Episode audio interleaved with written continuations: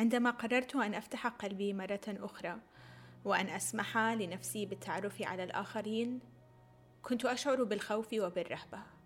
مرت سنتان منذ آخر مرة اتخذت فيها هذا القرار. كنت خائفة من هذه الخطوة مرت أسئلة كثيرة في بالي. كلها كانت تدور حول جزء واحد. هل حقا أستحق الحب والعاطفة؟ هل أنا جديرة بهما؟ أم أن هنالك خطبا ما بي؟ بلغت من العمر خمسا وعشرين عاما وفي رصيدي علاقة عاطفية واحدة فاشلة. هل كنت أنا السبب أم أن الوقت لم يحن بعد؟ هل ما زال القدر يخبئ لي الأجمل أو الأسوأ؟ كل هذا كان يدور في بالي. سأختصر عليكم نتيجة هذا القرار. هل حالفني الحظ؟ لا. هل كسر قلبي مرة أخرى؟ نعم. هل سأعيد الكرة؟ ليس الآن على الأقل. لكن هل كانت هذه المرة أفضل من التي سبقتها؟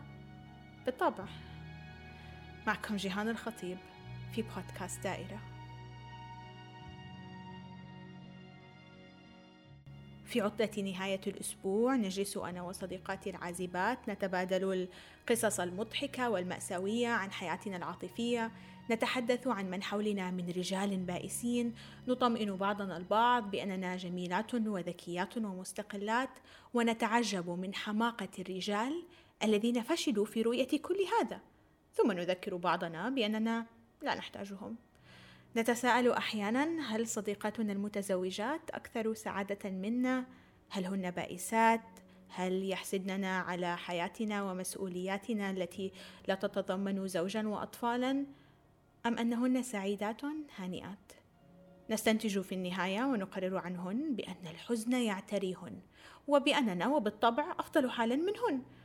حسنا ربما هنالك واحدة من بين, من بين كل خمس أو كل عشر هي الوحيدة السعيدة.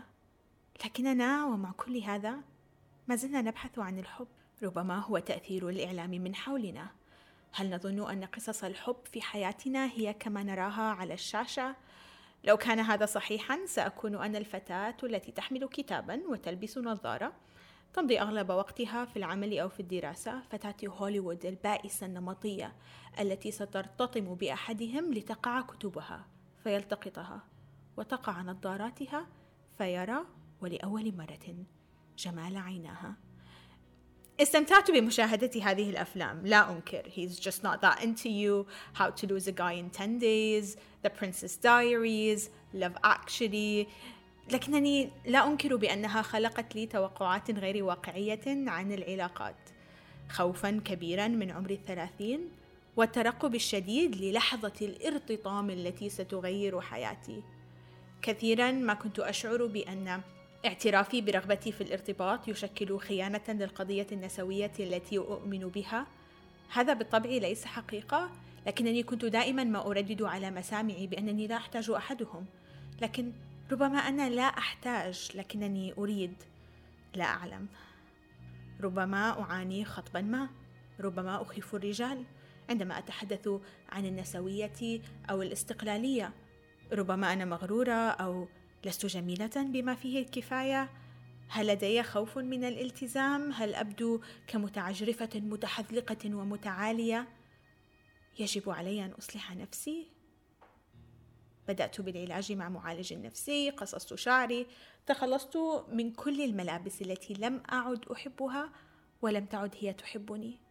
بدأت أمارس الرياضة وخسرت كثير من الوزن ولا أنكر أني حاولت أن أغير طريقة حديثي لكنني فشلت ما زلت أتحدث عن الصراع العربي الإسرائيلي مع كل رجل أتعرف عليه عن الظلم الذي تتعرض له النساء في شتى بقاع الأرض وكيف تخذلهن الأنظمة والقوانين عن نظريات المؤامرة التي تحيط موت أسمهان وسعاد حسني من قتلهما يا ترى؟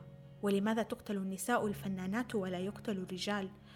أو ربما هي طريقتي في التعبير عن الحب والاهتمام يقال بأن هنالك خمس لغات للحب نسبة للكاتب والمذيع الأمريكي جاري تشابمان وهن كلمات التشجيع تكريس الوقت تبادل الهدايا تقديم الخدمات التواصل الجسدي كل شخص يتحدث لغة مختلفة لكن هل أعامل أنا الجميع بالمثل؟ ربما هذا ما كان ينقصني هل علي أن أتعلم كل هذه كل هذه اللغات؟ هل هل سأتقنها؟ هل سأتقن لغة الحب التي يريدها شريكي؟ تستمر الأسئلة لتدور في رأسي وسؤال واحد عالق لماذا لم أجد الحب حتى الآن؟ هل هو الخوف من تكرار مرارة الانفصال العاطفي مرة أخرى؟ أخصائية الإعصاب في معهد كنسي هيلين فيشر تشبه التعافي من انكسار القلب بالعلاج من الإدمان لكنها أيضا تؤكد بأن التعافي في نهاية المطاف وأن المضي قدما قادم لا محالة وأنا أشعر أنني بخير لا يؤرقني هذا الموضوع. هل هو الخوف من القلب المحطم والحب من طرف واحد والوقوع في فخ الفرنزون أم علي أن أبحث عن الحب الأفلاطوني والتجاذب الروحي لعلاقة أكثر نقاء وإخلاصا؟ أم كان علي أن ألهث وراء رجل لأوقعه بشباكي فيصيبه سهم حبي كما توصي الموروثات الاجتماعية والثقافية وجميع نصائح الخالات والعمات. ربما وربما وربما تستمر الأسئلة لكن الجواب كان أبسط مما تخيلت. لم يحن الوقت بعد. هل أستحق الحب؟ بالطبع. هل حان الوقت؟ ليس بعد. متى سيحين؟ لست أدري ربما يوما ما وربما لن يأتي أبدا